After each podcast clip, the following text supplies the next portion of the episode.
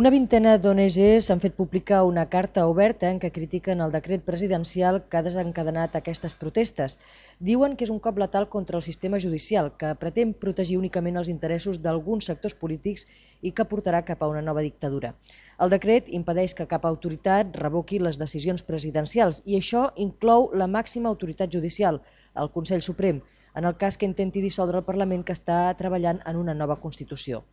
Des d'alguns sectors opositors es diu que en les actuals circumstàncies no es pot dialogar amb el president.